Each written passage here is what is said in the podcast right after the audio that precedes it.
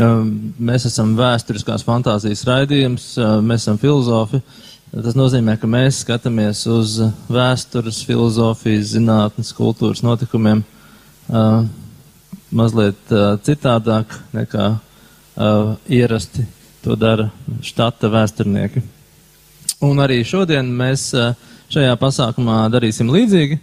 Tā mūsu tēma ir zinātnes vēsture, zinātnes sociālā, sociālies, sociālās saites un kopējā tēma ir zinātne un vara. Tāpēc arī šāds nos, nu, nosaukums mēs komentēsim. Un būs četras sērijas. Jūs droši vien programmiņā arī varat redzēt. Katra sērija sākās pilnā stundā. Un uh, pirmā sērija būs veltīta zinātnes un varas attiecībām.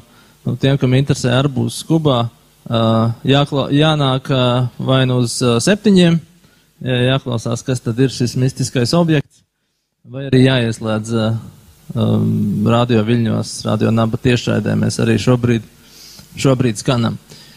Mm, diskusijas formāts ir tāds, ka mēs runājam par uh, katrā sērijā attiecīgu tēmu.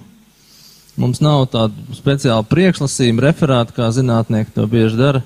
Mēs darām citādi. Un uh, katrā gadījumā, jebkurš skatītājs klātesošais var uh, brīvi uh, piedalīties ar komentāriem, jautājumiem. Mm, jā, varbūt mēs varam ātri iepazīstināt, tā kā mēs esam dzīvajā šobrīd, mēs varam ātri iepazīstināt ar sevi. Es pats esmu Andrejs Balodis, esmu filozofs, strādāju arī Latvijas universitātē par pētnieku, esmu arī pasniedzējis Latvijas kultūras akadēmijā. Dažreiz pasniedz arī RSU. Um. Nu, es sevi varētu dēvēt par, uh, tagad jau kā par, par uh, mēbeļu filozofiju, jo tas ir mans pēdējais darbs, kas saucās mēbeļu filozofija. Un, jā, principā es strādāju tagad arī pie zinātnes tēmām, bet caur tādiem kultūras aspektiem un tā tālāk. Um, jā, labvakar, es esmu Andris Hiršs. Uh, filozofijas doktors, eh, līdzīgi kā kolēģis, es pasniedzu Latvijas kultūras akadēmijā, kur es esmu docents un eh, nodarbojos ar pētniecību Latvijas Universitātes eh, filozofijas un socioloģijas institūtā. Un, man liekas, ja mēs runājam par zinātnē un varu, tad. Aina ar piedošanu. Mēs, protams, katrs esam savu profilu cilvēku, bet mēs šobrīd esam kā kolektīvs, tāpēc tā, tā, tas formāts ir tāds, bet mēs nepieteicām, protams, arī vēl vienu mūsu dalībnieci, ignorējām, kā parasti sievietes.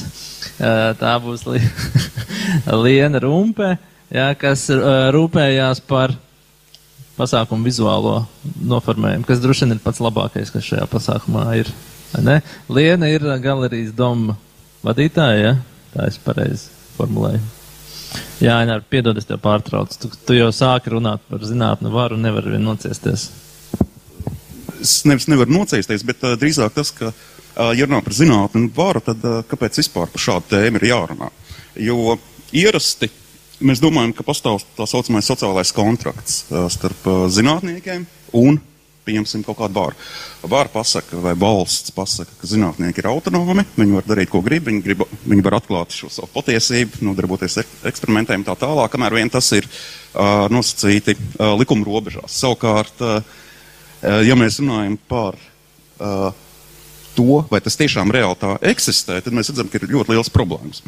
Un uh, viena no tādām, ja mēs runājam filozofiskākām lietām, tad ir tas, ka vienkārši saprast, uh, kas vispār ir šī zinātne kas vispār ir vara. Jo zinātne pat par sevi uh, nav kaut kas pašs, pašsaprotams. Principā zinātne kā vārds uh, tiek ieviests vispār tikai 19. gadsimtā. Līdz tam mēs runājam par uh, dabas filozofiju un tam līdzīgām lietām, un nevis tieši kā zinātne. Uh, tas ir viens. Nākamais arī tas, ka zinātnieki, ja mēs domājam, ka viņi strādā uh, kaut kādās laboratorijās, tad atkal tas nevienmēr tā ir bijis. Tā tad ir bijis tā saucamā galma zinātne, ir bijuši, pieņemsim, zinātnieki, kas ir, piemēram, zem dažādām varām, kā, piemēram, monarhijas, kurā pašiem monarhi grib iegūt šo sociālo prestižu, kas nāk no zinātnes, piemēram, apgaismotie monarhi un tam līdzīgi. Nu jā, un tagad varbūt. Jā, varbūt tas, ko tu ieskicēji, arī tas, kas mums um, tajā pasākuma pieteikumā bija minēts, ka es pieļauju, ka vairumam cilvēku tādā pirmajā brīdī var likties, ka zinātne, kā arī tu kaut kādā ainā teica, un ne, ka viņi tiecās pie, pēc patiesības izziņas, un ka viņai nav kaut kādas ciešas sasaistes ar, ar, ar varu, bet tas, Nu, šāda veida skatījums varbūt iedrētos tādā, es nezinu, viduslaika pasaules ainā, un arī tur tas droši vien būtu diezgan diskutabli. Uh, bet uh, skaidrs, ka uh, zinātne ir cieši saistīta, saistīta ar uh, varu daudzu un, uh, un, un, un, un dažādos kontekstos. Uh, ja, ja mēs minējam, ka viduslaikos bija mazliet cits skatījums, droši vien jaunie laiki ir tāds pavērsienu punkts, vai ne, kad veidojās tā, tā, tā modernā, modernā zinātne, tur var atcerēties arī uh, to uh, Francisa Bēkona slaveno frāzi, vai ne? Uh, zināšanas ir, ir vara, kur uh, zinātne un zināšanas un vara gan arī vai tiek pasniegts tādās, nu, tāpatības attiecībās, vai ne? Nē, un tad, un te, te es varu vienkārši ātri piebilst, uh, ja mēs runājam par jaunlaikiem. Tad ir jāatcerās, ka jaunlaiki tiek uzskatīti par šo modernā zinātnes sākuma punktu, bet viena iemesla dēļ, tāpēc, ka šī zinātne tiek uh, centralizēta. Tātad parādās karaliskā biedrība, proti, karalis ir tas, kurš uh, nosacīt apvieno šo patiesību zem sevis.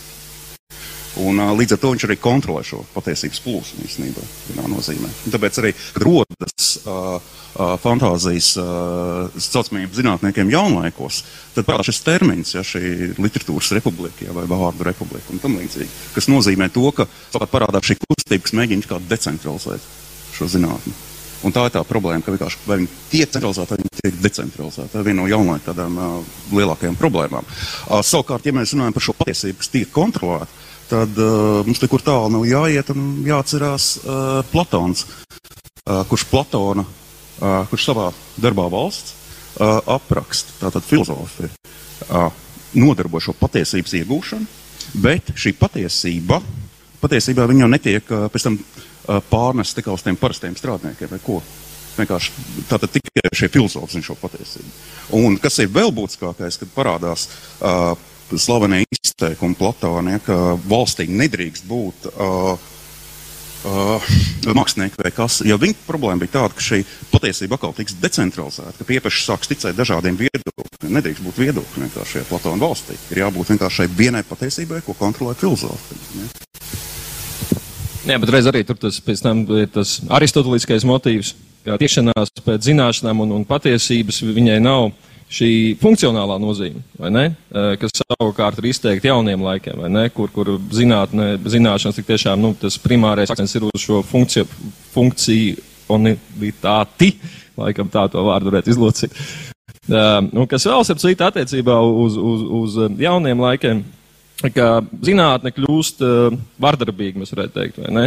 Proti tā vai nu va, vairs nenododas tādam pasīvam vērojumam, uh, bet uh, ir orientēta uz to, lai izmainītu, modificētu, vai ne, kas arī Bekonam ir šie mākslīgi eksperimenti aizsākās, kur kaut kādi daži mūsdienu pētnieki tieši šo paradigmas maiņu vaino pie dažādiem ekoloģiskiem izaicinājumiem, kas, kas mums ir tagad.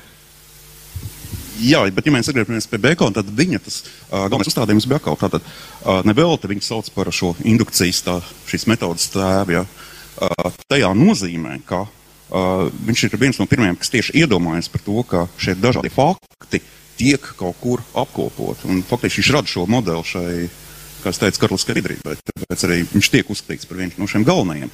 Bet ja mēs atgriežamies pie vardarbības tēmas, ka zinātnē kļūst kaut kādā nozīmē vardarbīgi jaunlaikos, tas ir arī skaidrs, jo uh, jāatcerās, ka ļoti liela daļa zinātne, zinātnes dabūja naudu no galmiem, līdz ar to viņi bija tiešā veidā pakļauti, ko vajag šim galmam. Tāpēc ir ārkārtīgi uh, populāri optikas pētījumi un trajektorija pētījumi, kas viss, protams, ir militārā zinātnes. Tas, tas ir viens arī no jaunlaika tā tādiem jauniem vadumiem, kas šī ciešā sadarbības starp valsti un šiem, kas dara šos eksperimentus. Jā, es neesmu drošs, ka mūsu šobrīdējais formāts varētu tikt raksturots kā diskusija, bet uh, Uh, jā, tā lekcija. Mēs uh, dodamies pie Platona, dodamies pie jaunajiem laikiem. Um, vai mēs dosimies arī pie šodienas? Tas būtu mans jautājums. Jūs ieskicējāt, uh, parādījās tēma par patiesību, ne, ka zinātne tiecās uh, pēc patiesības, un tas ir redzams jau, ne? arī atgriežoties pie, pie Aristoteļa. Man šķiet, ka viņam ir divi problēma, kāpēc cilvēks tiecās izzināt pašu zināšanu dēļ, proti, lai mēs noskaidrotu šo patiesību. Un nu, nu, ir arī otrā puse, jā, praktiskais pielietojums, jā, ka zināšanām ir praktisks pielietojums. Arī mūsdienās, protams, mēs runājam un skatāmies uz to zinātņu kopējo klasifikāciju. Mēs redzam, ir fundamentālā zinātnes, kas tiec iegūt šīs zināšanas, saprast, kā universums ir iekārtots, daba ir iekārtota, cilvēks ir iekārtots un tā tālāk. Un tad ir šīs lietišķās, ir pielietojumās zinātnes, kas uh, nu, mēģina kaut kā iemiesot tehnoloģijās jā, šos atklājumus. Un te parādās jautājums, kāda ir šo abu zinātņu uh, virzību saistība ar uh, varas apstākļiem. Jo, nu, manuprāt, tas varbūt tāds mans viedoklis. Es nezinu, es neesmu veicis tādus socioloģiskus pētījumus, nezinu, ko cilvēki domā par zinātnē. Es varētu viņiem pajautāt, ja viņi gribētu atbildēt. Uh, bet uh, man šķiet, ka ir dominējušas uh, tāds pozitīvistiskais uh, ieskats par zinātnē, proti, ka zinātne ir tā, kas tiecās pēc patiesības, ka zinātne vienmēr noskaidro patiesību neatkarīgi ne no kaut kādas kultūras vai, vai sociālās situācijas, uh, ka zinātnieki ir šādi neitrāli un ka viņi spēj uh, izteikt tādus universālus uh, spriedums par pasauli, nu, ja tie ir dabas zinātnieki vai universāls spriedums arī par kaut ko citu. Uh, un, uh, nu, tas, protams, ir aizspriedums, jo mēs gan uz vēsturisku piemēru pamata, uh, gan uz aktuāliem jautājumiem redzam, ka, protams, zinātne vienmēr ir saistīta ar uh, politisko varu vai dažādām citām varas uh, struktūrām sabiedrībā, ideoloģijām tā skaitā. Te mēs varam runāt ne tikai par reālu fizisku, politisku varu, bet arī par ideoloģiju, noteikti veidu uzskatiem, domāšanas sistēmām. Un līdz ar to tas jautājums, ko zinātnē dotu tas, ka tā apzinātos šīs, šo sasaisti ar varu, vai tas ļautu zinātnē atbrīvoties no tās vai kaut kādā veidā piekļūt patiesībai no īstās puses. Andrs. Jā, nu tā, tā ļoti vienkārša piebilde vai, vai, vai, vai, vai komentārs pie tā, ko tu teici, ka galu galā zinātne un zinātnieki pārsvarā pilnu noteikti veidu pasūtījumu. Vai ne? Un, respektīvi, lai iegūtu finansējumu pētījumiem. Un ir pasūtītājs. Un līdz ar to tas pasūtītājs kaut kādā ziņā noteikti vienmēr diktē.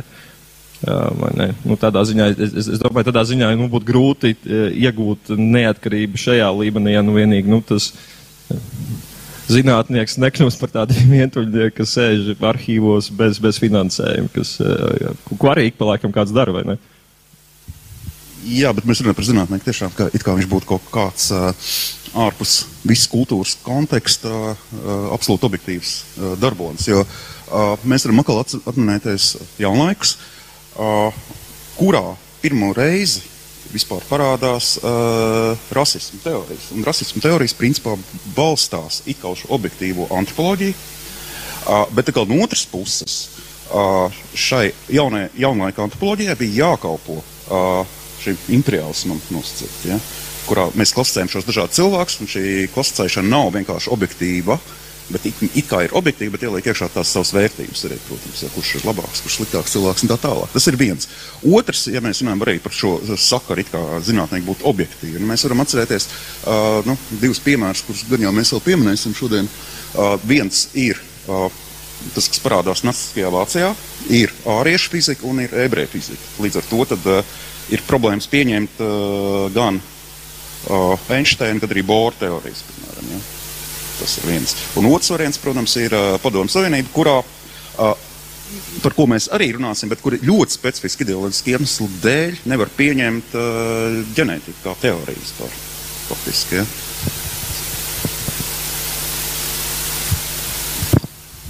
Nu jā, vairāk paliek tā, ka mēs droši vien esam uzstādījuši vairākus tādus uh, aspektus vai, vai jautājumus, kurus mēs droši vien vairāk uh, risināsim nākamajās epizodēs. Es gan nezinu, vai mēs nonāksim līdz kaut kādām galējām un, un pareizām uh, atbildēm pie viena un pareizā viedokļa.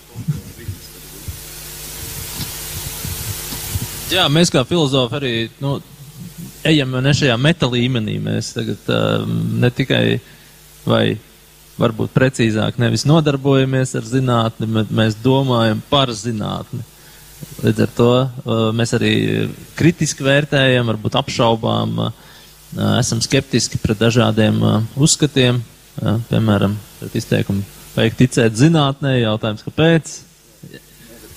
Man vēl bija ko teikt. Bet... Es vienkārši, kad mēs gribam teikt, mēs gribam ticēt zinātnē, protams, ir vienmēr jautājums, kurai un kāpēc mēs tieši tai zinātnē ticam. Kā piemēram, atkal apakaļ pie jaunlaikiem. Uh, ir nošķīrums starp šīm nacionālajām zinātnēm, burtiski tas ir uh, nacionālais prestižs, tātad angļu zinātne pret franču zinātni, piemēram, saistībā ar asinsriti. Ja? Piemēram, uh, Angļi balstās uz Ņūtonu kā savu lielāko ķēniņu un grib pateikt, ka asins rit noteikti mehānistiski iemeslu dēļ. Franči balstās uz Dekārtu un grib pateikt, nu, kā jau īsti franči, ka nu, asins rit noteikti pat pateicoties tam, ka notiek fermentācijas process asinīs, ja? kā vīnam. Tā kā, nu, tas arī tas ir. Ja tas ir francūzs, tad vairāk ticēs Dekārtam nekā kaut kādam Ņūtonam ja, no tās ļaunās impērijas. Ne? Uh, nu jā, es uh, savu varbūt komentāru šajā daļā noslēgšu ar arī mazliet turpinot Aināru teikto citā veidā. Uh, Proti, frančiem, angļiem, vāciešiem ir dažādi aizspriedumi. Mēs, protams, vēl varbūt padomāsim arī par latviešu zinātnieku aizspriedumiem, ja mums sanāks uh, kādā brīdī kādā attiecīga, attiecīgs piemērs. Bet es no, no, noslēgšu ar šo varbūt uh, jautājumu par to, vai pati zinātne nav kaut kādā mērā aizspriedums. Uh, pavisam nesen šonadēļ pārskatīju vēl Eh, franču fenologa Merlo-Pontī darbu uztvers fenomenoloģiju, kur viņš arī aplūko zinātni kā aizspriedumu. Un, proti, kurā viņš raksta, ka zinātne ir tikai tāds pieredzes atvasinājums uh, no tās pieredzes, kas mums ir ķermeniski atrodoties šajā pasaulē. Viņam bija ļoti jauks salīdzinājums. Proti, nu, tas tā kā geogrāfija ir pret to, kā es uztveru uh, pļavas, upes un mežus, Ja, un tad mums ir zinātne, kā šis atvasinājums, skaidrojums pieredzē. Un iespējams, ka mums pret zinātnē arī vajadzētu attiekties. Merlobonti gan nerunā par varu, bet uh, nu, tie filozofi, sociologi, kas runā par varu, ja, viņi arī aicina domāt, vai tas, ko saka zinātnieki, nav kaut kāda veida aizspriedums, ko ir noteikusi noteikta veida ja, varas attiecība. Jā, kas savukārt pieprasa atkal nu, nosacīt definēt, uh, kas ir tā zinātne, jo parasti tiek veidots no šiem šī zinātne, šī pseidzinātne. Pseidzinātne ir tā zinātne, kas kā pārņem šo zinātnes sociālo prestižu, bet uh, dara visu nepareizi. Kā, ja? uh, savukārt, mēs arī varam iedomāties ļoti daudz šīs kustības ar antizinātni. Proti, pateikt par to, ka ir dažādi veidi šie skaidrojumi un ka zinātne tikai viena no tiem, piemēram. Jā, nu, tur ir vēl visādi mūsdienu piemēri par Covid un vispārējo, tad varēja minēt, bet tam droši vien pievērsīsimies tad nākamajā sadaļā un tad dotajā brīdī atvedamies, vai ne? Es saprotu, ka Andrējam vēl ir kāds kaut kas bilstams. Jā, mēs atvadamies līdz pulksten septiņiem. Es vienīgi gribēju piebilst to, ka, kas būs nākamajā epizodē, ļoti īsi raksturot. Tad nākamā epizode saucās Arbūs Kubā, šī kopējā pasākuma nosaukums, un mēs runāsim par padomu ģenētiku. Jā, tur nēsošo padomu ģenētiku. Jā. Uh, tad tiekamies pēc pauzes. Un uh, mēs esam atpakaļ ar otro epizodi šajā diskusiju ciklā, un otrā epizode saucās uh, Arbūs Kubā tieši tāpat kā viss pasākums kopumā. Ja drīkst, es ļoti ātri rezumēšu, par ko mēs runājām. Mēs pirmajā daļā runājām par zinātnes varas attiecībām tādā plašākā, vispārīgākā nozīmē.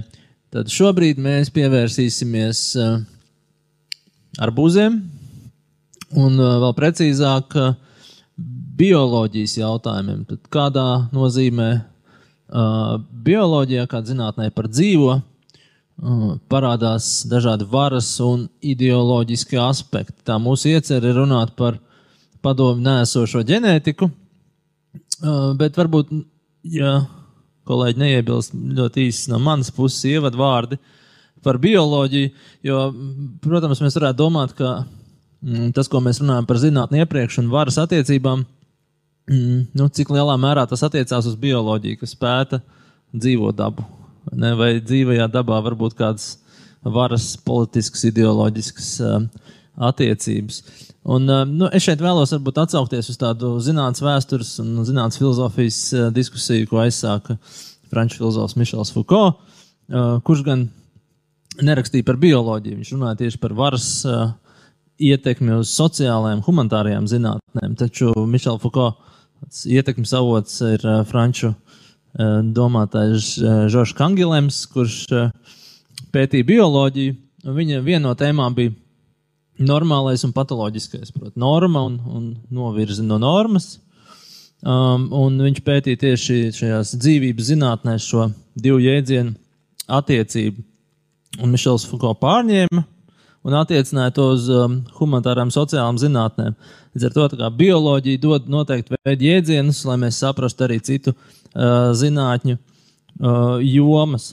Un tad es pieļauju, ka arī mūsu šodienas diskusijā mēs runāsim par ģenētiku, bet būs saistība arī ar, ar šo varas un ideoloģisko aspektu.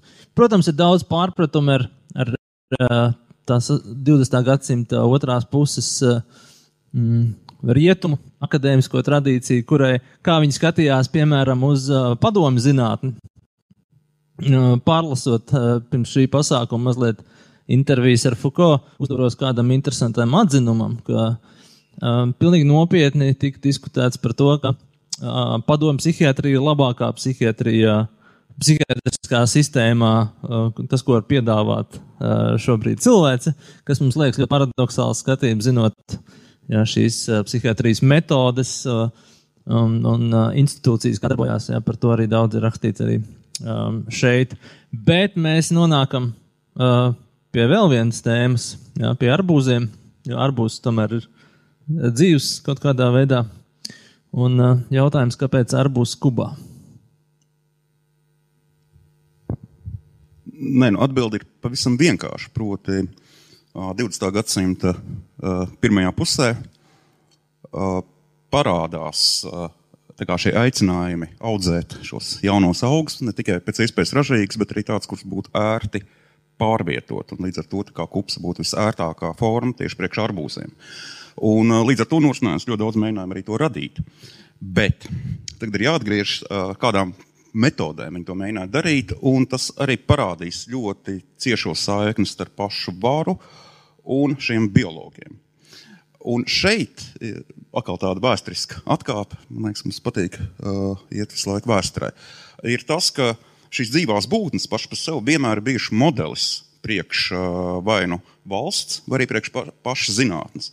Proti, uh, tāda viduslaikos ļoti izplatīti šie zīmējumi, kuros uh, pat valsts iekārta tiek attēlots kā cilvēks vai dzīves organisms. Tātad, ja karalis ir galva, zemnieki ir vēders un tā tālāk.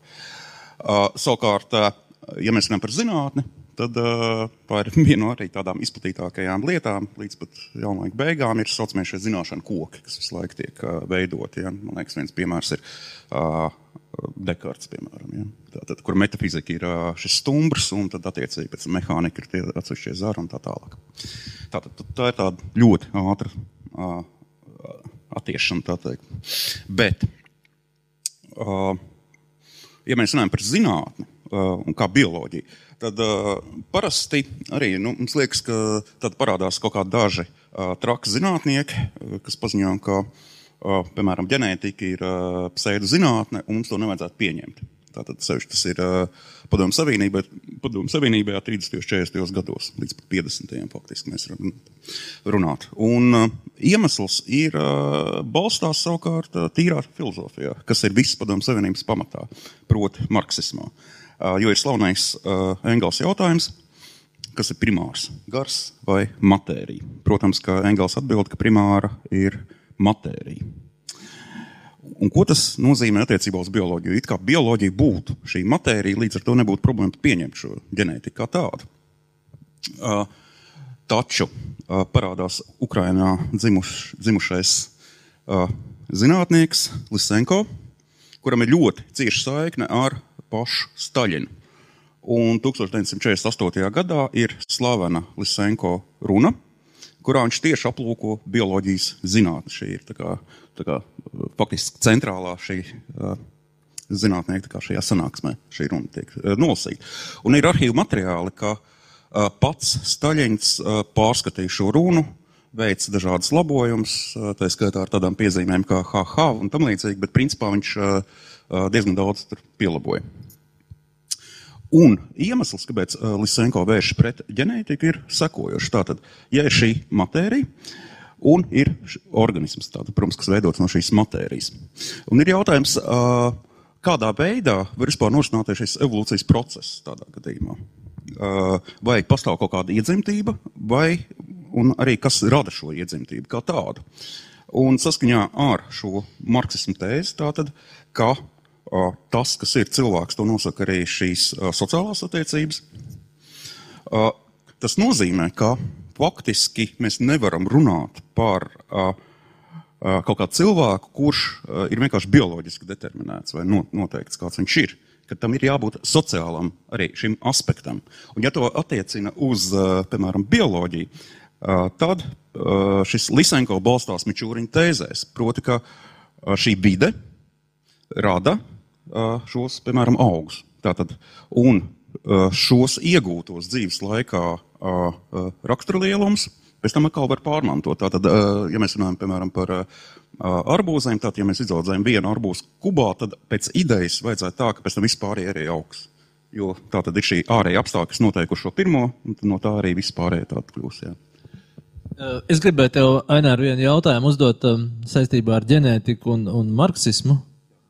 Tad kāpēc marksismam varētu būt iebildumi pret šo ģenētikas teoriju? Es kā atceros, ne šo varbūt tādu mēmu par Engelsu, jā, kad stāsts par to, ka kas padarīja cilvēku par cilvēku, tad mērkaķim ir instrumenti vai kaut kā darbrīki, un tad viņš strādājot, kļūst par cilvēku. Tad, tad šie apstākļi vai darbs kopā ar citiem mūs padara par cilvēkiem. Jautājums, kāpēc, nu, kāpēc viņiem ģenētika nešķiet pieņemama, vai tas nevar kaut kādā veidā iekļauties šajā skaidrojuma modelī? Un vēl papildu jautājums par tiem arbūziem. Tad kā, kā viņi, ja viņi tiks audzēti kaut kā speciāli tādos kubiņos, tad viņi pamazām kļūs par kubu veidu Es nezinu, vai tu saprati man jautājumu. Es sapratu, aptuveni. Bet nē, es, es pieļauju to, ka šiem arbūziem būtu jāaug pēc tam bez vienkārši kā kuba, kubā. Nevis iekškuba, bet kubiskiem. Tā būtu precīzāk. Tātad pietiek ar to, ka vienu izdotos izaudzēt šajā kubu formā, visiem pārējiem automātiski arī vajadzētu veidoties kubu formā, ja es pareizi sapratu. Ja? Nu, jā, nu, tas ir līdzīgi kā, piemēram, ja tev vecāki ir uh, komunisti, tad pēc tam arī bērni būs komunisti. Aptuveni tā tā nozīmē. Tas ir.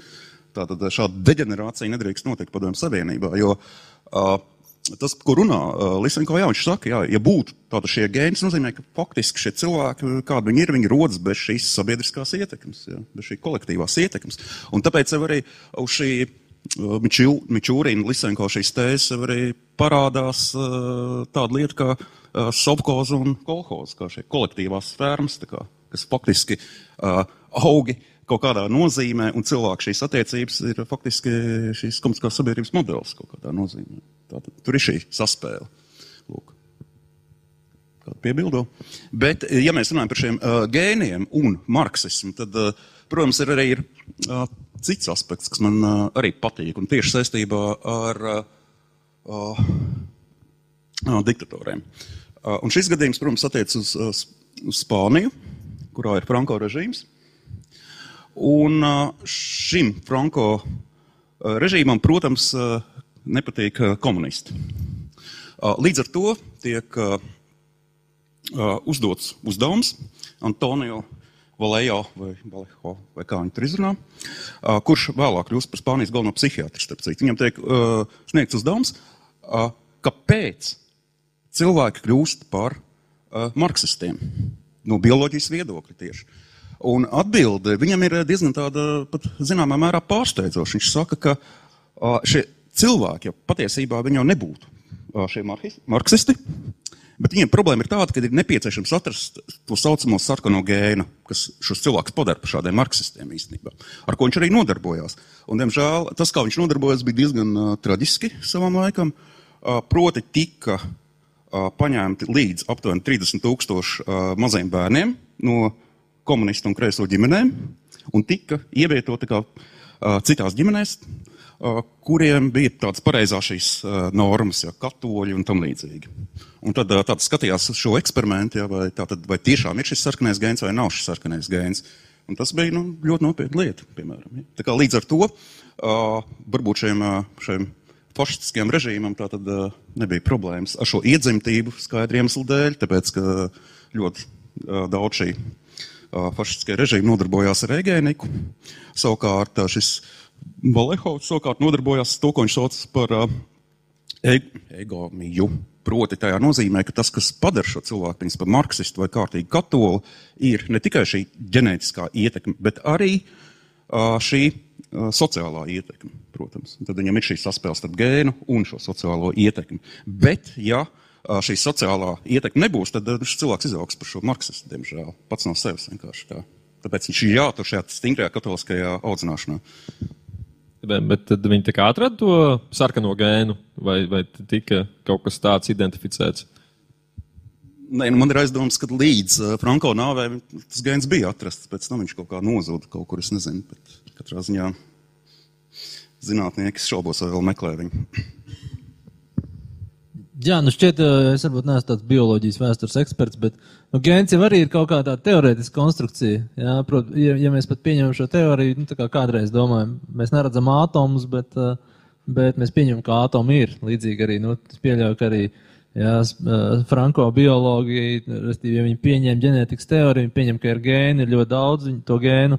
Viņi pieņēma, ka varbūt tā ir tāds hipotētisks pieņēmums, un tad viņi varbūt mēģināja šo hipotēzi uh, caur šo eksperimentu apstiprināt kaut kādā veidā, ka šāds gēns tiešām ir, jā, caur to vidas novērojumu. Nē, bet tas arī parāda arī to, ka ir nepie... Jo man liekas, ka tieši šis Spānijas gadījums ļoti interesants. Viņš parāda to, ka starp zinātni, proti, to, ko zinātnieki atklāja, pieņemsim šo gēnu un sabiedrisko iekārtu, ir jābūt šai saiknei. Tāpēc, ka, ja zinātnieki atrod šo sarkano gēnu, tad valsts uzdevums būs viņu kontrolēt šo gēnu faktiski. Ja. Tad, lai nav pārāk daudz šie komunisti Spānijā un tam līdzīgi. Ja. Piemēram. Jā, man šķiet, ka Anāta ar, šo, ar, šo, ar šiem piemēriem diezgan labi iezīmēja bioloģijas un dažādu ideoloģisko režīmu saikni un interesi šajā zinātņu nozarē. Uh, Nu, es domāju, varbūt, ja kādam ir kādi jautājumi, droši varat eh, pacelt rokas. Mēs jums ļaujam arī izteikties, ja jums ir kādas idejas par ģenētiku un, uh, un arbūziem. Nu, jā, nu, redzot, ja nav, bet katrā ziņā mums ir jātic to, ka kādreiz šie mičūrinieši kaut kur Arktikas šajās nomalēs tomēr spēs radīt šos uh, brīnišķīgos arbūzus. Tiešām tic, Varbūt varam, bet man tikai ienāca prātā viena doma. Es vēl gribēju no tevis vēl vienu anekdoti. Es atceros par tiem ar arhangēļiem, arbūziem. Negribu pastāstīt. Labi, Ainārs nevēlas. Jā, to tad jūs varat pameklēt internetu plašumos. Arhangēļiskas arbūzus. Tu ieminējies par Arktiku, tad kur tos arbūzus var audzēt? Labi, es domāju, ka mēs šobrīd varam likt punktu rezumējot, kā mēs varētu rezumēt šo, šo sadaļu. Ka principā ar to, ka šīs valsts iekārtas tiešām arī var spēt radīt šo ideoloģiju, kurā tiek nošķirts, nezinu, buržāskās zinātnes, īstās komunistiskās zinātnes, marksistiskās zinātnes un tā tālāk. Un ka atkal mēs nevaram runāt par tādu vienu zinātni, kas ir ārpus šīs ideoloģijas, ārpus valsts varas vai ārpus konkrēti šo diktatoru pārs, pārskatīšanas nosacīt, ja? kāds ir Staļina gadījumā. Ja? Tad, protams, tā tēze būtu, ka zinātne jebkurā gadījumā ir eh, ideoloģiski nosacīti. Sevišķi dzīvā zinātnē, man liekas, bieži vien. Jo nav jau jautājums, ko mēs atklājam, bet arī jautājums, kā mēs pēc tam to pielietojam kaut kādā praksē. Tā tālāk. jo mēs varam runāt par ģenētiku kā tādu, kas reāli pastāv, bet reizē uz šīs ģenētikas bāzes mēs varam radīt arī noteikti veidu, teiksim, mēģinieks studijas un tam līdzīgi. Tā kā Nu, piebilstot, es varbūt nebūtu tāds pilnīgs determinists, ka ideoloģija, šī ražošanas attiecības, kā marksistiem nosaka, pilnībā vērā ja šo zinātnes ideju pasauli. Iespējams, kaut kādā mērā arī zinātne producē jaunas idejas, tehnoloģijas pašām ideoloģijām jā, transformēties. Paldies visiem, kas mūs uzklausīja. Nākamā epizode sāksies 8.00. Mēs runāsim par, par kosmosu, jā, arī progresīvu zinātnes jomu un uh, varas attiecībām un ideoloģijām. Uh, it īpaši pievēršoties uh, diktatoriem, diktatoru kosmosa programmām. Uh, labvakar, klātesošie! Uh, labs vakars jūs mājās. Atgādinu, ka mēs esam uh, gan tiešraidē, Radio Naba ēter Viļņos, gan šeit uh, LU akadēmiskajā centrā. Un šī ir mūsu jau trešā epizode šīs dienas diskusiju ciklā, kas saucās Arbūs Kubā. Pagājušā epizode, ja es varētu īsi rezumēt, bija veltīta tieši arbūziem. Mēs noskaidrojām, kāpēc arbūzi vai kāpēc padomu Padomju Savienībā mēģināja īstenot šo projektu, audzēt arbūzus Kubā. Saprotu, ka tas bija tāpēc, ka iecerti ir funkcionāli, vieglāk pārvietot, bet mēs noskaidrojam arī dziļākas sakarības starp dzīvības zinātnēm, ģenētiku un ideoloģiskiem režīmiem, lielākoties runājot par dažādām totalitārām sistēmām, gan par Padomu Savienību, gan par uh, franko-fašistisko uh, režīmu. Bet šī, šī, šī diskusija ir veltīta kosmosa tēmai, kā droši vien jūs visi nojaušat. Kosmos ir nu, tāds ideoloģija cīņas lauks, kļuva 20. gadsimtā. Augstais karš faktiski ir ap par un ap kosmosu, kosmosa iekarošanu, kosmosa programmām. Um, arī šiem jautājumiem, es domāju, mēs pieskarsimies. Uh, bet mums, uh, kā fonogrāfam, interesē dažādi arī interesanti, kuriozi, varbūt mazāk zināmi uh, fakti. Līdz ar to mēs aplūkosim arī dažus uh, uh, šobrīd pastāvošus diktatoriskus režīmus, uh, viņu vadoņu interesi par zinātni un arī specifiski par kosmosu un kādi projekti tiek radīti šajā laikā. Taču sākt vēlētos šo sarunu ja droši vien kāds nav dzirdējis mūsu raidījumu, tad mēs meklējam Latvijas kultūras telpā dažādus interesantus objektus. Un viens no šādiem objektiem, kas ir saistīts ar uh, kosmosu, un uh, tam ir zināma mīklaina izcelsme, ir uh, Uzbeku astronoma uh, Ulugbeka piemineklis uh, Rīgā. Viņš atrodas Kronvalda parkā. Un, uh, mēs varbūt noskaidrosim, kas bija šī mistiskā persona, Ulugubeks, un uh, varbūt arī atbildēsim uz jautājumu, kāpēc viņa piemineklis atrodas Rīgā. Kā šīs Rīgas pilsoni, uh, kā šīs valsts pilsonis Rīgas, uh, ļoti mulsināja tas, ka uh, dodoties apkārt pa uh, šo Kronvalda parku, netālu no centrāla komitejas ēkas bijušās, uh, atrodas šis piemineklis, kurā, starp citu, bieži vien ir kāds nolicis ziedus. Un varbūt kāds var pateikt, kāpēc pašas ir. Mm, es cerēju, ka uh, tu pateiksi, kāpēc tas tā ir. Uh, tu pieminēji Samarkandu, prātā nāk uzreiz paralēls, ja mēs sekojam aktuāliem politiskiem notikumiem. Samarkandā nesen bija pavisam tāda nozīmīga tikšanās, ja, kur uh, Krievijas federācijas prezidents Putins mēģināja vienoties ar austrumu austrumu līderiem par kaut ko, bet šķiet nevienojās. Jā, iespējams, varbūt tur ir kaut kāds sakars arī ar Ulugbeku un viņa kosmosa kartēm.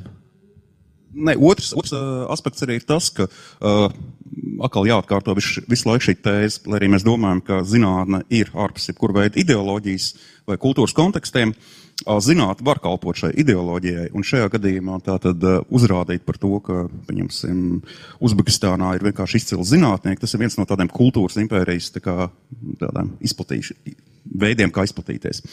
Uh, savukārt, otrs aspekts, kas arī ir ļoti būtiski, ja mēs runājam, piemēram, par Ulugbeku, tad viņš ir viens no tiem, uh, kas bieži vien tiek attēlots uh, šos jaunlaika attēlos un tam līdzīgi, bet ļoti specifiskā veidā. Jo ņemot vērā to, ka man pēdējā grāmata saucās Mēbeļu filozofija, es ārkārtīgi rūpīgi pievēršos šiem mēbeļu aspektiem saistībā ar attēlošanu. Un interesantā kārtā ir pat pirms gada vai diviem publicēta grāmata, kas saucās Astronoma krēsli. Un interesantā kārtā, tad, piemēram, ja rietumos astronomi tomēr sēž šiem krēsliem, austrumos savukārt nesēž šiem krēsliem, tas savukārt ir šis lielskais uh, rietumu austrumu nošķīrums. Savukārt Rīgā uh, Ulugbeks stāv atšķirībā no piemēram, šiem jaunlaika attēlojumiem, kurā viņš parasti sēž uz grīdas, bez šī krēsliem. Jā. Bet man liekas, mēs vēl parunāsim par Centrālā Aziju. Nē, es domāju, vai tev kāda versija, kāpēc viņš stāv? Pie, Pieļauju, tāpēc, ka Uzbekistāna grib parādīt par to, ka viņi nav gluži orientāla valsts, ja, kurā nav šie krēsli astronomiem. Uh, un tad šī stāvēšana ir relatīvi tāda neitrāla lieta, jo, piemēram, mēbeles var norādīt šo atšķirību starp rietumiem un austrumiem. Savukārt, ja tu stāv, tu nezini, vai viņš no rietumiem vai austrumiem, līdz ar to tu vienkārši redz viņu parkā un apjūts. Mm, jā, Ainēr, tu jau pieminēji šo, ne, varas uh, izpausmi, kultūras varu. Iespējams, tā ir noteikti pieminekļa kultūra, kas mums arī ir rietumos. Līdz ar to tiem, kas uh, veidoja šo pieminekli, nu, viņi noteiktā veidā šo pieminekli uzstādīt vai ne šajā stāvošā profilā. Mēs parasti redzam, vai ne? Tas ir pauž noteikti veidu varu. Jā, ja mēs atceramies visus šos dažādu vadoņu pieminekļus, tad parasti viņi vienmēr stāv ar noteiktiem žestiem, nevis sēž kaut kur. Nē, viņi stāv tāpēc, ka viņi ir gatavi iet. Bet, ja mēs runājam par tieši Uzbekistānas aspektu, ir tas, ka ir otrs piemineklis, ko Uzbekistāna mums ir dāvājusi. Arī izcila zinātnieka Abcenas uh, piemineklis pie, kuru var redzēt Gaļzerā, pie Gaļzeras slimnīcas tieši tātad, jo Abcentam ir izcils arī zinātnieks, tā teikt. Tā kā Uzbekistāna mēģina mūs pārņemt šajā ziņā, jā. Nu jā, un tad uh, mazliet paturpinot to uh, austrumu tematiku, uh, pāris vārdu arī par uh, Turkmenistānu. Un jāreiz mums arī saruna par diktatoriem, vai ne? Šeit arī, nu, varbūt tā, tā ievadoši jāatzīmē, ka tādās autoritīvās valstīs, kas arī ir visai raksturīgi, ka politiskie vadoņi mēģina sev pasniegt arī kā zinātnes līderus. Ne? Uh, tur ir daudz dažādu piemēru. Arī viens piemērs būtu tas pats arī mūsu Kārls Ulmans, kuram uh, piešķīra goda doktors Latvijas universitāte pat divus, viens lauksaimniecībā, otrs tautsaimniecībā, un abas viņam, protams, piešķīra pēc 34. gada, proti pēc uh, apvērsuma Staļinam, ko mēs šeit pieminējām, arī ir piešķirti dažādi akadēmiskie tituli, neskatoties to, ka viņa izglītība bija nepabeigts garīgais seminārs, jā, un viņš bija, piemēram, komunistiskās universitātes vadītājs. Uh, šī pieeja ir, ir, ir aktuāli klātesoša arī, arī mūsdienu pasaulē. Putinam, protams, ir vairāki goda doktori, un vienu no viņiem viņam ir Ķīna piešķīrusi, starp citu, ne tikai Krievija. Un vēl viens tāds piemērs no, no, no mūsdienām būtu Turkmenistānas līderis Ber, Berdi Muhamedovs. Un uh, Turkmenistānas oficiālajā pārskatā par zinātnes uh, šī brīža situāciju Turkmenistānā uh, mēs varam izlasīt arī sekojošas rindas. Apzinoties zinātnes lomu sabiedrības attīstībā, nepieciešamību paaugstināt Turkmenistānas zinātnieku efektivitāti, šodien primārais jautājums ir nepieciešamība pēc zinātnes līdera kurš vadīs Turkmenistānas Zinātņu akadēmiju. Tam jābūt zinātniekam, kuru atzīst startautiskā zinātnieku uh, pasaule, kurš spēj organizēt zinātnisko darbību atbilstoši startautiskajiem standartiem. Saskaņā ar zinātnes sabiedrības viedokli tāds ir līderis un prezidents Berdi Muhamedovs kurš attiecīgi arī šobrīd ir uh, Turkmenistānas Zinātņu akadēmijas uh, vadītājs. Uh, viņš ir sarakstījis vairāk kā 35 zinātniskas monogrāfijas, protams, var diskutēt, kurš viņas ir sarakstījis, bet viņš parādās kā autors. Un, Attiecībā uz viņu, es domāju, varbūt tuvākajā laikā mēs varam sagaidīt arī pāris monogrāfijas par filozofiju, jo uh, nesen uh, publiski uzstājoties uh, Uh, publiski nolasīja runu, kurā minēja, ka vajag sākt veidot jaunu filozofisku mācību, uh, mācību, kas varētu nodrošināt visu tautu un nāciju draudzīgu dialogu. Uh, bet tā kā mūsu tā tematika ir par kosmosu, tad jāatzīmē, ka Turkmenistāna plāno arī um, tuvākajā laikā attīstīt tieši kosmosa izpētes tematiku. Tā kā visticamāk mēs varam sagaidīt arī uh, vairākas Turkmenistānas līdera uh, grāmatas, varbūt par, par uh, kosmosa jautājumiem. Bet precīzāk nekas nav zināms par viņu plāniem. Okay. Uh, jā, varbūt arī interesantiem, uh, ja Berdī Muhamedovs kādu ir ieinteresējis, viņš ir arī viens no zināmākajiem Turkmenistānas dīdžejiem, jā, un uh, regulāri uzstājās ar muzikāliem priekšnesumiem, kā varat pameklēt YouTube kaut kur. Un uh, mūsu trešais stāsts uh, saistībā ar kosmosu un diktatoriem ir uh, tepat par vienu mūsu kaimiņu valsts vadītāju, uh, kur mēs uh, pagājušajā gadā, šķiet vēl pirms uh, lielajiem politiskiem notikumiem, pirms Krievijas iebrukuma uh, Ukrainā, mēs uh, bijām uz interviju jā, pie uh, Aleksandra Grigorieviča Lukašenko. Un viņš mums pastāstīja arī par savu kosmosa programmu. Uh, es domāju, mēs varētu uzlikt uh, jā, fragment no, no šīs sarunas. Vai tas ir iespējams? Первая награда за выдающиеся результаты в научной деятельности, создание инновационной продукции в области космических техники, технологий – это стимул для дальнейшего развития интеллектуального, технологического взаимодействия России и Беларуси. Я часто вспоминаю принятое решение по развитию у нас так называемых космических технологий. Тогда много было споров, и в Академии наук. Ученые мне предлагали этим не заниматься. Ну, подумаешь, зачем Беларуси эти космические исследования? Я не скажу, что они были неправы. Может быть, в том смысле, э, для чего предназначен космос, Беларуси, может быть, и не надо.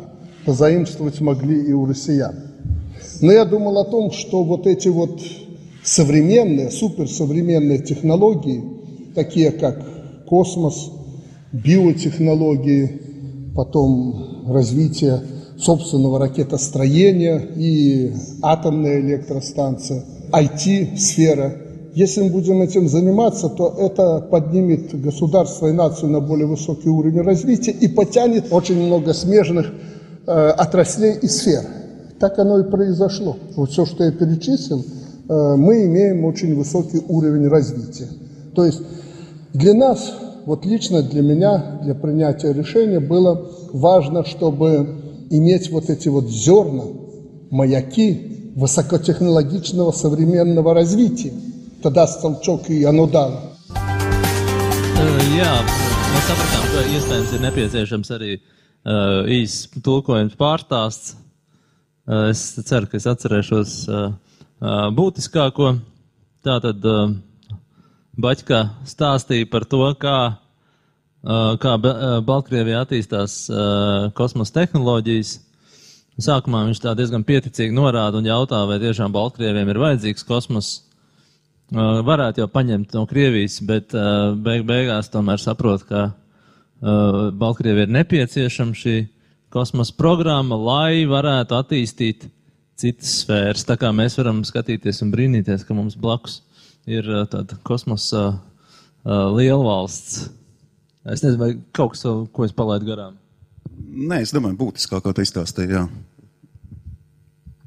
Jā, droši vien tas, tas viens jautājums, ko mēs varētu mēģināt īsi aplūkot, kāpēc šiem uh, diktatoriem ir šī, šī interese vai lielā vilkme uh, pievērsties, pievērsties kosmosa izpētēji. Tā jau, protams, vēsturiski skatoties, tur jau var, mm, trešais reiks būtu droši vien piemērs, bet, bet ne tikai, varbūt jums ir kādas idejas pārdomas attiecībā uz šo jautājumu.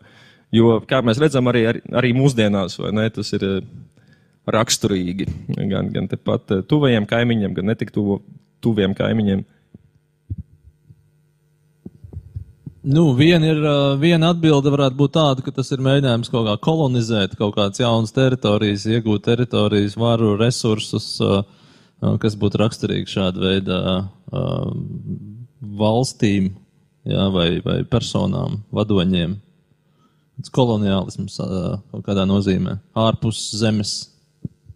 Nē, koloniālisms pilnīgi noteikti, bet uh, ir jautājums arī, ko viņi kolonizēs, ja, jo uh, nav jau tik vienkārši. Bet uh, interesantā kārtā uh, Uh, pastāv jau arī, protams, šīs ideoloģiskās cīņas par šo kosmosu pašu par sevi, ka, piemēram, uh, viens no arī galvenajiem zinātniekiem uh, Padomju Savienībā 30. gados Bogdānaus uzrakst grāmatu ja, par šo sarkano planētu, proti par Marsu, kurā jau, jau dzīvo komunisti.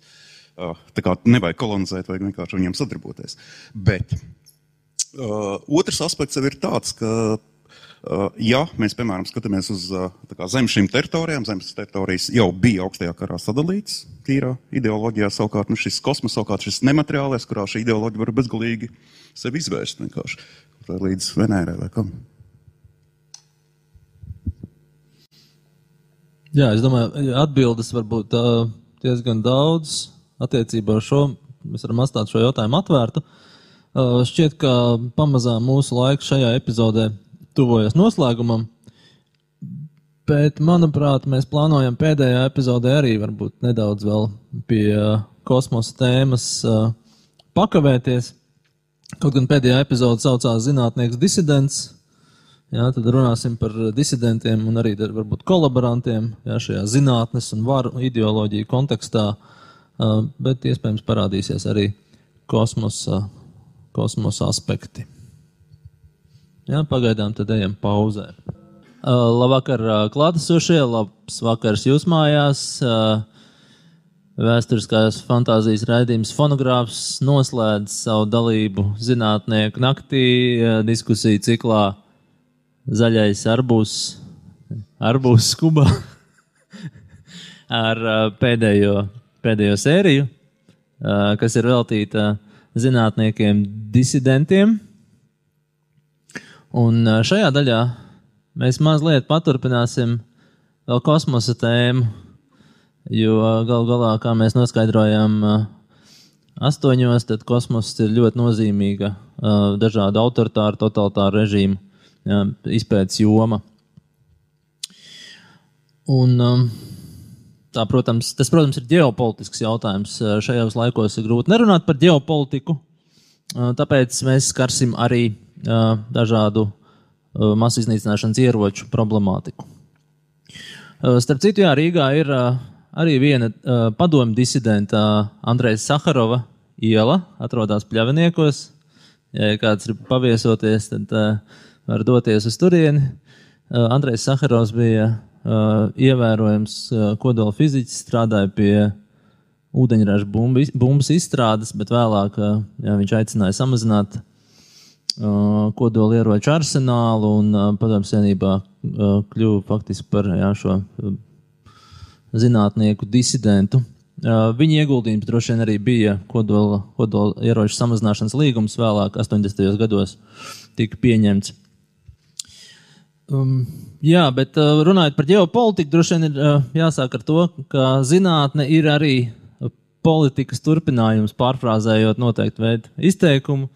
Un, uh, tāpēc mēs piedāvāsim šajā pēdējā daļā nelielu ceļojumu laikā, kā to dara fonogrāfs doties uz sākumā uz 1985. gadu, kas mums ir bijis šobrīd ļoti tuvs. Mēs arī strādājam pie 1985. gada izpētes, un tālāk varbūt varēs dzirdēt arī kādu nenoteiktu nenoteik laika telpas uh, uh, epizodi.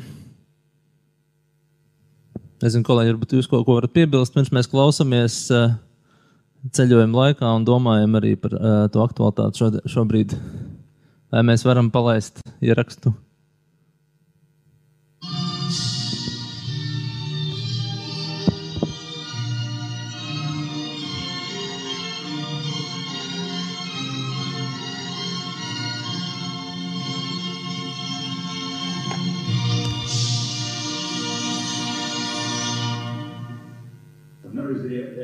Реальности современного мира состоит в том, что бессмысленно добиваться укрепления своей безопасности за счет новых видов оружия.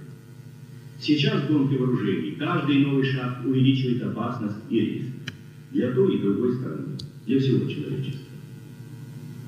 Жизнь громко и настойчиво подсказывает, что надо идти по пути сокращения ядерных арсеналов и сохранения космоса мира.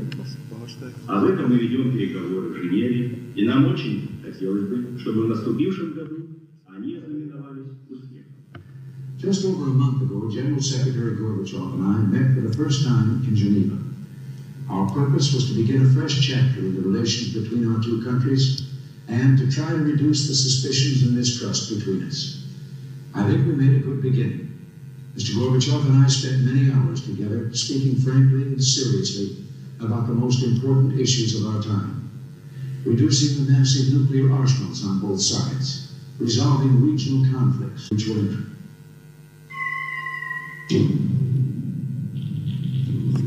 Алло? Алло? Полковник Голуб говорит с вами. Говорю ли я сейчас с товарищем Лопатиным? Да, да. Где вы сейчас находитесь? Возле Марса, товарищ полковник Голуб. Миссия идет хорошо. Я буду на орбите Юпитера через несколько лет. Желаю, чтобы в пути не было грозы и неприятных попутчиков. Удачно добраться без задержек и осложнений.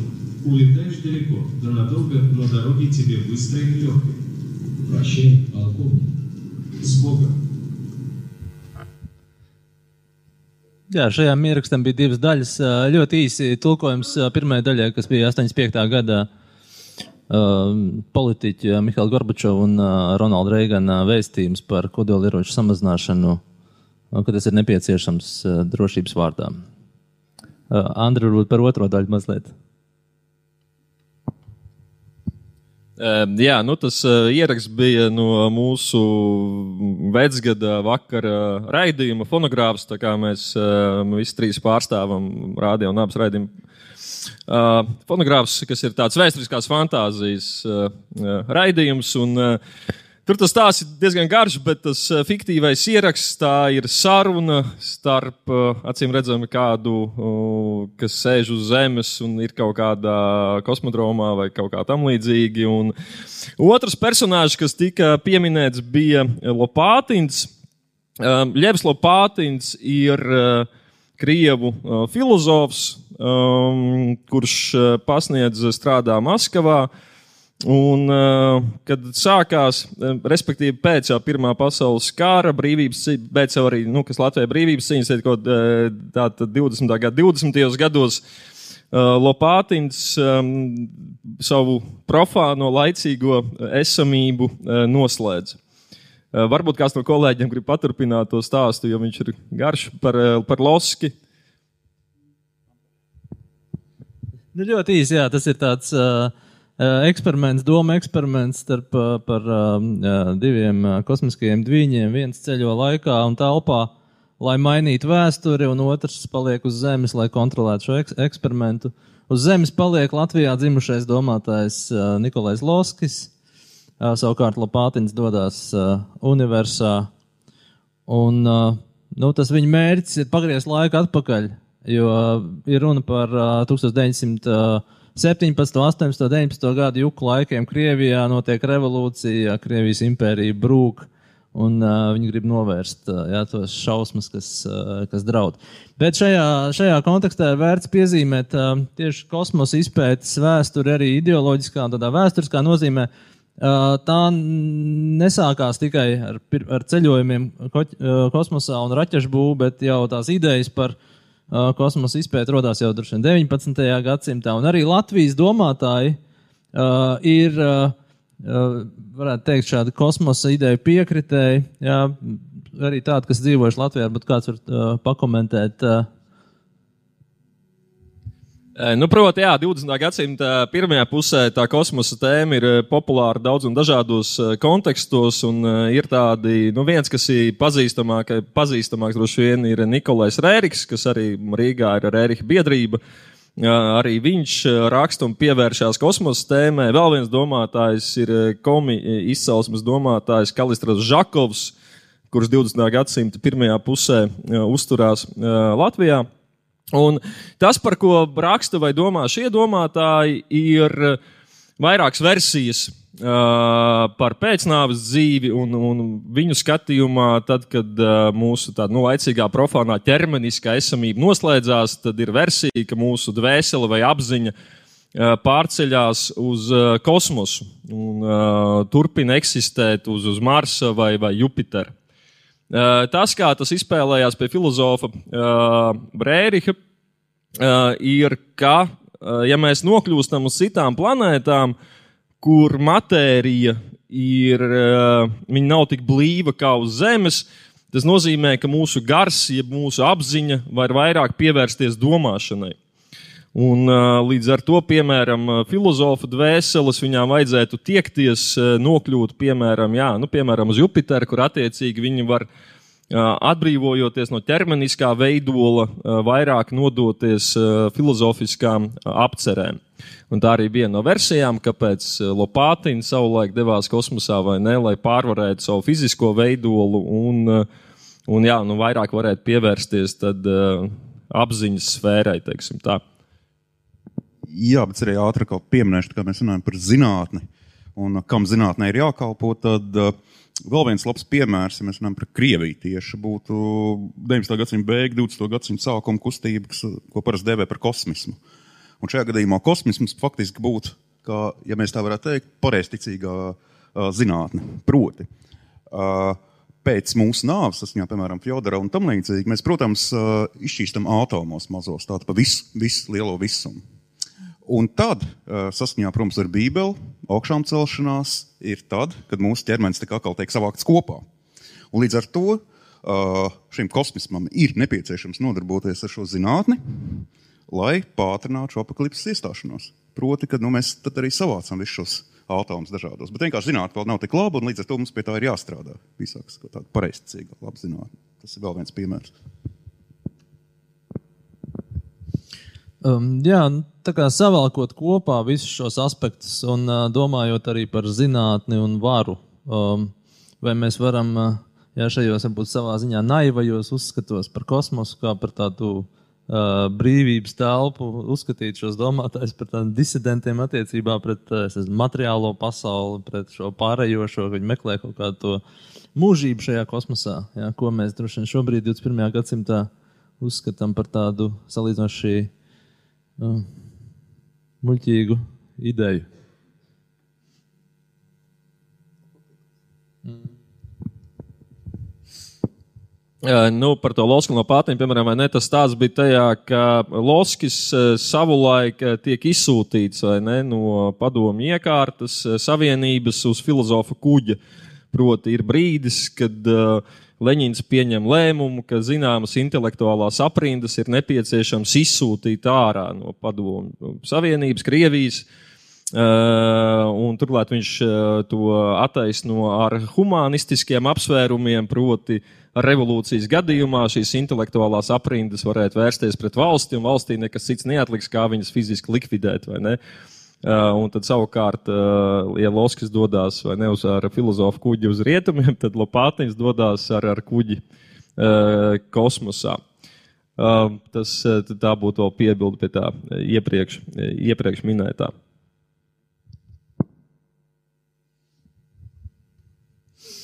Uh, jā, šī tēma, zinātnieks, disidents, uh, ir atvērta. Domāju, arī Latvijas uh, zinātnīs vēsturē jā, kā, kā interesanta izpētes tēma. Es, cik es palasīju arī pirms šī raidījuma, jā, diezgan daudz ir runāts par kolaboracionismu, tur ir diskusijas, bet lielākoties jā, ir par kolaboracionismu vispār.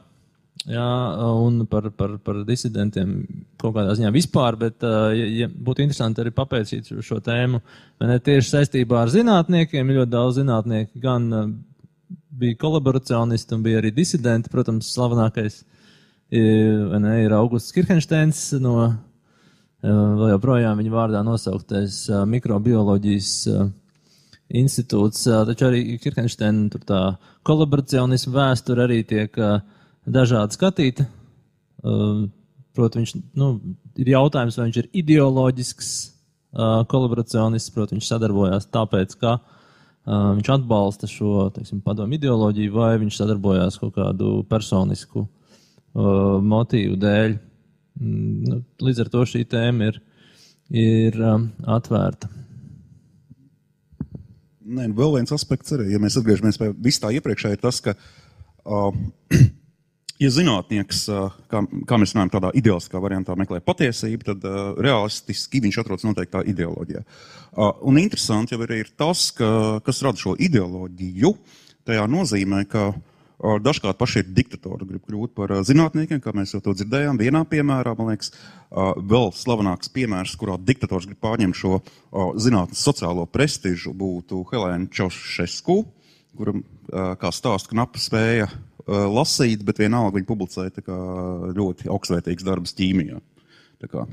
Tas ir tāds, man liekas, konkrēts piemērs. Arī tas pats jau pieminētais Staļins, kurš uh, raksta savus programmatiskos darbus, valodniecībā, vai arī tajā pašā, vai arī pieskatīja šo pašu uh, bioloģiju, lai parādītu, kā patiesībā ir jāpēr šie fenomeni. Un tad, attiecīgi, tad, tad disidents kļūst nevis tāpēc, ka vērsies pret valsts varu tiešā veidā, bet tas, ka uh, tu nepildi šo valsts varas ideoloģisko aspektu tieši, kā piemēram valodniecības gadījumā, tad cieta, piemēram, Bahtins, ja, tā, kā zināms valodnieks un tā tālāk. Ja.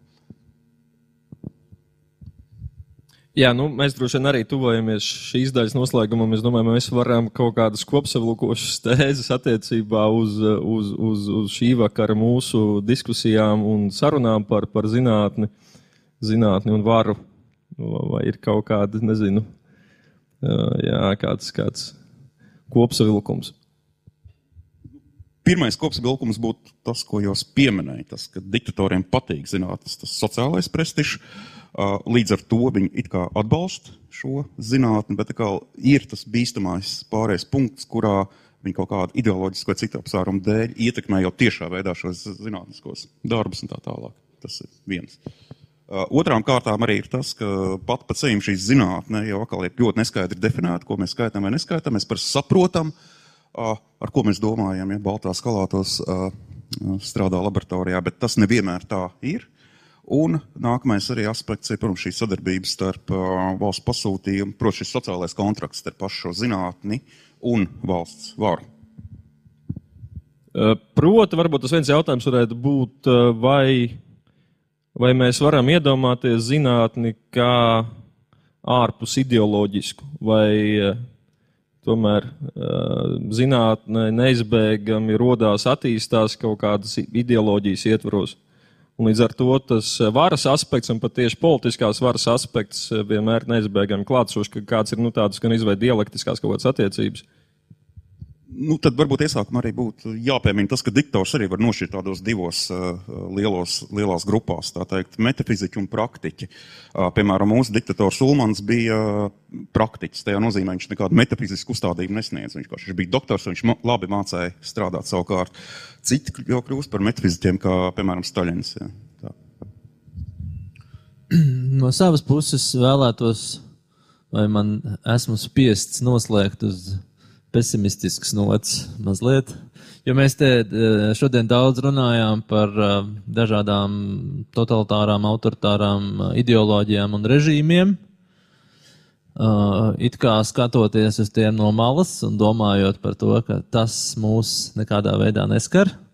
Un, restīvi, mūsu brīvā, demokrātiskā, liberālā zinātne ir neatkarīga, bet es tomēr atļaušos to uh, kaut kādā veidā apšaubīt vai jautāt, vai tas tiešām tā ir, un vai mēs tik tiešām esam tik tālu no uh, noteikti varas dažādu instrumentu klātbūtnes, kas ir varbūt sarežģītāk nekā viena šī hierarhiski centrālā vara, kas nosaka uh, partijas virziens, kas nosaka, kur zinātnē iet.